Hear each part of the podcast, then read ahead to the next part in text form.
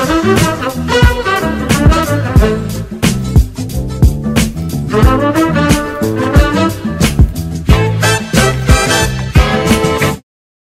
datang di Lini Podcast, ngobrol lebih dekat tentang gaya hidup sehat.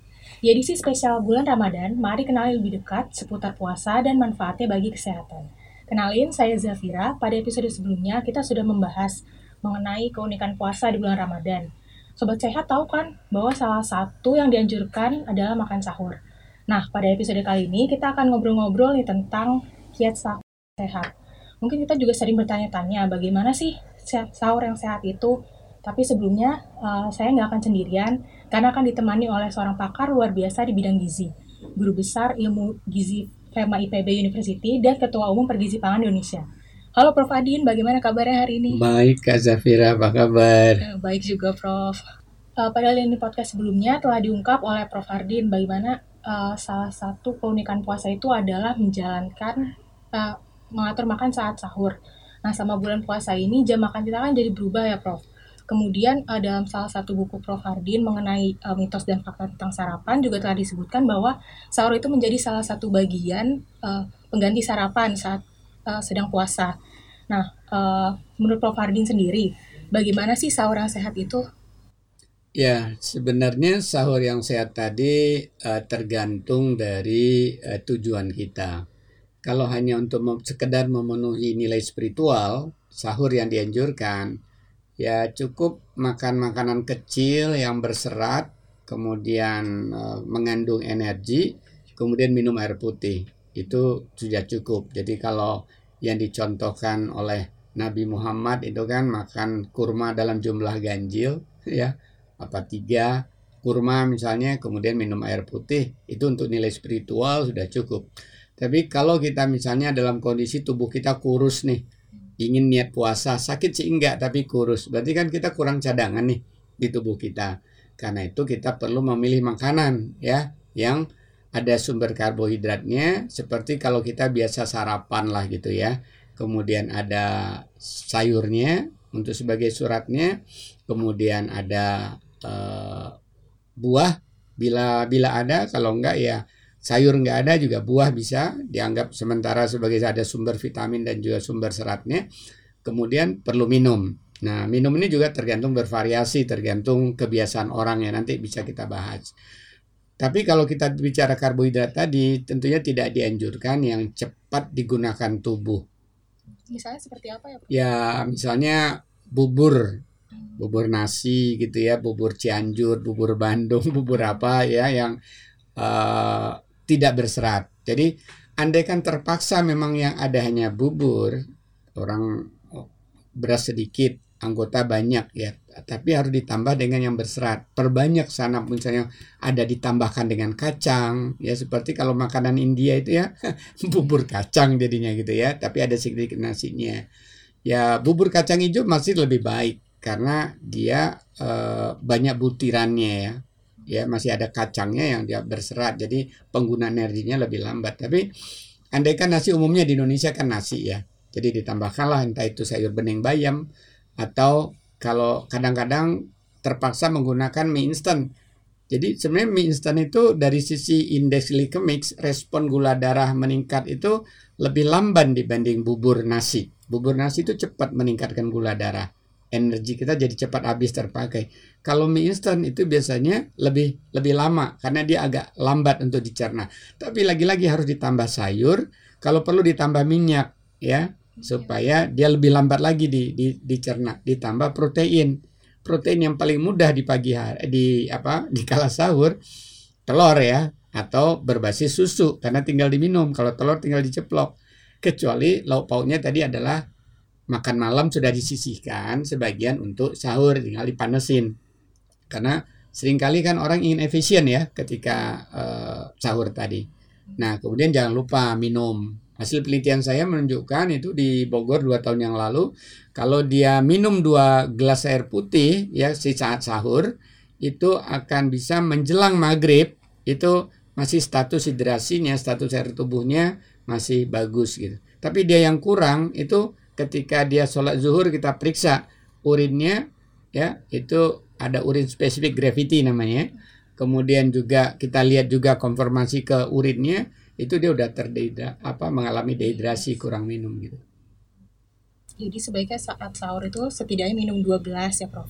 Kemudian juga uh, dari sekian banyak jenis makanan dan minuman nih Prof. Mm-hmm. Uh, ada nggak sih uh, makanan atau minuman yang sebaiknya itu dikonsumsi atau mungkin harus dihindari ketika kita sedang sahur Prof? Ya pertama eh, kalau bicara makanan yang perlu dihindari pertama makanan yang tidak aman tentu tidak aman berarti kalau kita makan membuat kita jadi pusing, membuat kita jadi mual, membuatkan kita muntah. Artinya apa? Jangan makanan yang basi, itu kan berarti ya.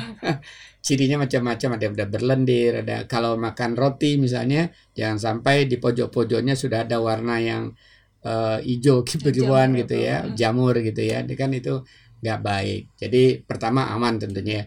Kedua, uh, pilihlah makanan-makanan uh, sumber karbohidrat yang kalau dia tadi berbasis uh, nasi atau tepung itu kurang serat, tambahkan sayur atau makan buah yang berserat. Jadi kalau sempat sebenarnya ya, makan urap itu luar biasa ya.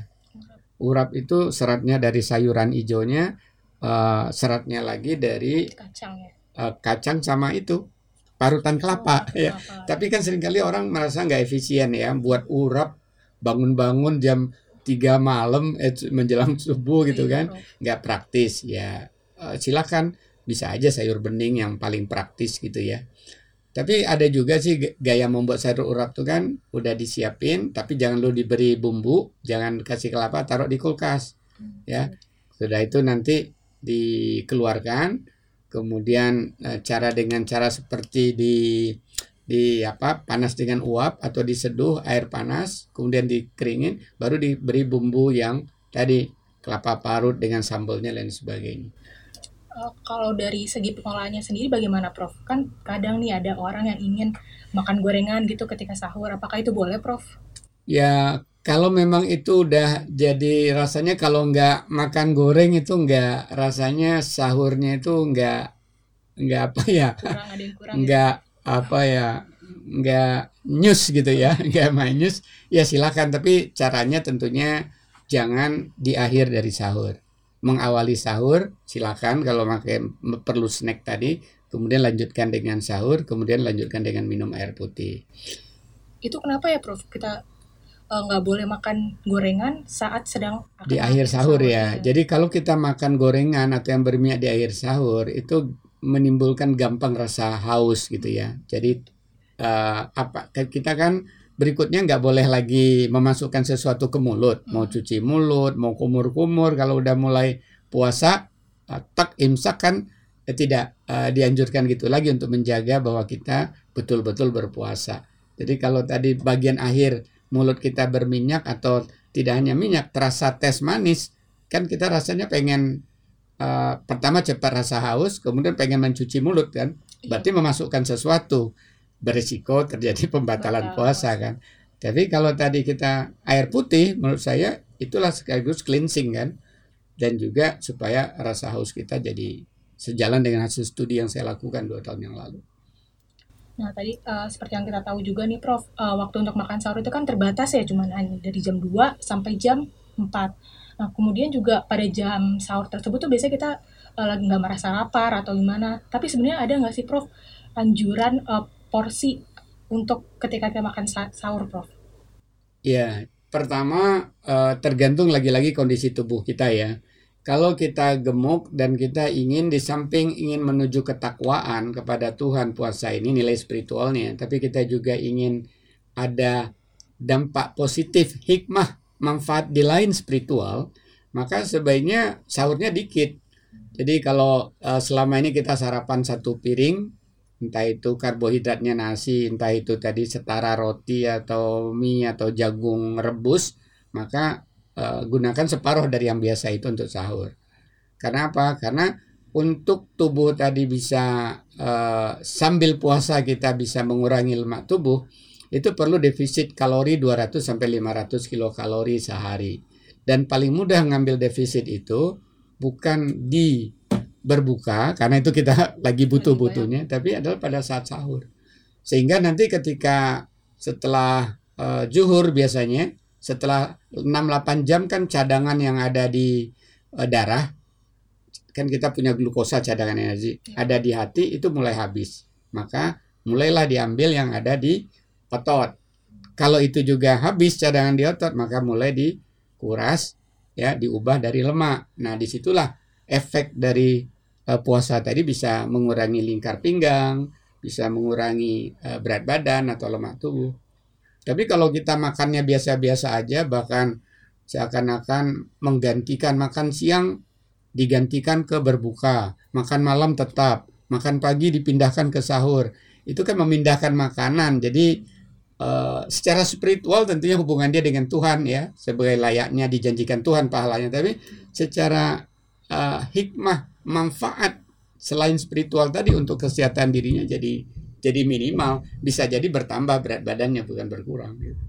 Jadi sebenarnya Jadi tergantung kondisi awal ya. Iya. Kalau bisa disiasati, disiasati gitu kita bisa dapat hikmah lebih, manfaat lebih ya. Betul. Eh, terus juga nih Prof, eh, ketika saya kecil itu kan rasanya berat sekali ya untuk eh, bangun sahur. Mhm. Terus eh, bagi remaja atau anak-anak sekolah juga biasanya mengalami seperti itu Prof. Eh, adakah kiat-kiat dari Prof Hardin supaya kita bisa lebih mudah lagi untuk Iya. bangun saat sahur?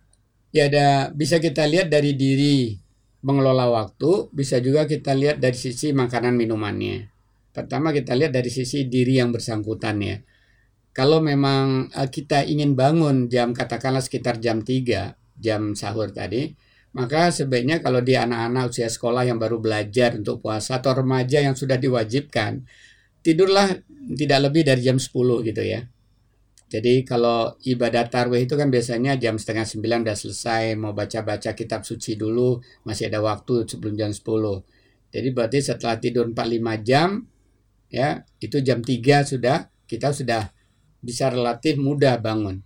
Tapi kalau kita tidurnya jam 12, jam 3 diminta bangun itu luar biasa sulitnya ya, sampai meronta-ronta barangkali ya. Nah, itu satu dari sisi manajemen waktu. Kurang tidur di malam hari bisa diganti siang hari. Karena tidur di siang hari itu sangat efektif ya. Bisa setara dua kali tidur malam. Itu eh, banyak eh, bukti termasuk Napoleon Bonaparte ya. Dia take a nap istilahnya. Tidur sejenak 15 menit itu manfaatnya sama dengan menggantikan tidur satu jam di malam hari. Jadi take a nap di siang hari itu jadi jadi penting. Mungkin kalau masih sekolah eh, di bulan puasa ya katakan jam satu kan udah pulang sholat zuhur kemudian istirahat tidur sejenak itu sudah memulihkan kekurangan tidur malam harinya nah bisa juga dari sisi makanannya jangan makanan-makanan yang jelimet Jelimet gimana tuh Prof? Jelimet? Iya jelimet nyiapinnya dia lama nunggunya. Jadi Hmm. mama kok lama-lama sih di dapur? Ini dede udah bangun katanya kok nggak? Sahurnya belum ada di meja. Itu kan jelimet. Iya, Prof. menurut dia jelimet ya. Menurut ibunya sih enggak itu ingin perfect nyiapin ya buat keluarga. Nah bisa juga eh, apa ya makanan tadi harus memakannya lama. Banyak jenisnya kan. Ambil ini ambil ini ambil ini. Ya jadi buat dalam kondisi tadi anak yang mengalami tadi eh, oke saya mah mau bangun sahur tapi 15 menit aja ya. Wah gitu.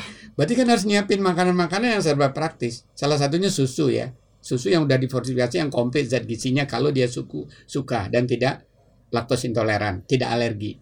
Itu salah satu alternatif ya. Jadi berarti eh, itu pun banyak macamnya kan. Ada ada yang rasa coklat ada yang tidak rasa ada yang plain. Ya silakan. Nah tapi tetap ya karena biasanya susu itu ada rasa manisnya akhiri lagi dengan air putih gitu kan. Itu pun nggak cukup ya satu gelas susu tadi belum cukup untuk memenuhi kebutuhan air. Tapi itu tadi zat gizinya is oke tapi kadang-kadang anak merasa enggak saya inginnya ada yang ganjel. Hmm. ya tidak hanya cairan meskipun gizinya udah ada susu. Ya itu tadi bisa jadi salah satunya memang tapi cara mengkonsumsinya harus dengan sayur gitu ya yang mie goreng tadi mie goreng kalau dengan sayur itu lambat diproses rasanya mengganjal ditambah dengan paling praktis lagi telur tadi ya tapi kalau harus pakai ikan harus pakai ayam goreng ayam lama nanti nggak sabar dia tidur lagi dibangunin nih berontak berontak gitu ya jadi sahur akhirnya. ya saya ingat masa kecil jadinya kalau ditanya begini Nah, menarik sekali ya ternyata eh, topik yang kita bahas mengenai kiat eh, sahur yang sehat bersama Prof. Hardin. Ternyata masih banyak sekali hal tentang sahur yang belum banyak diketahui oleh orang. Nah, teman sehat, jangan lupa untuk ikuti terus eh, lini podcast yang akan tayang setiap hari sama bulan Ramadan. Nah, minggu nah, besok kita akan membahas mengenai berapa banyak minum di kala sahur. Kamu bisa mendengarkannya melalui Spotify atau menontonnya melalui YouTube Ini Sehat. Sampai jumpa!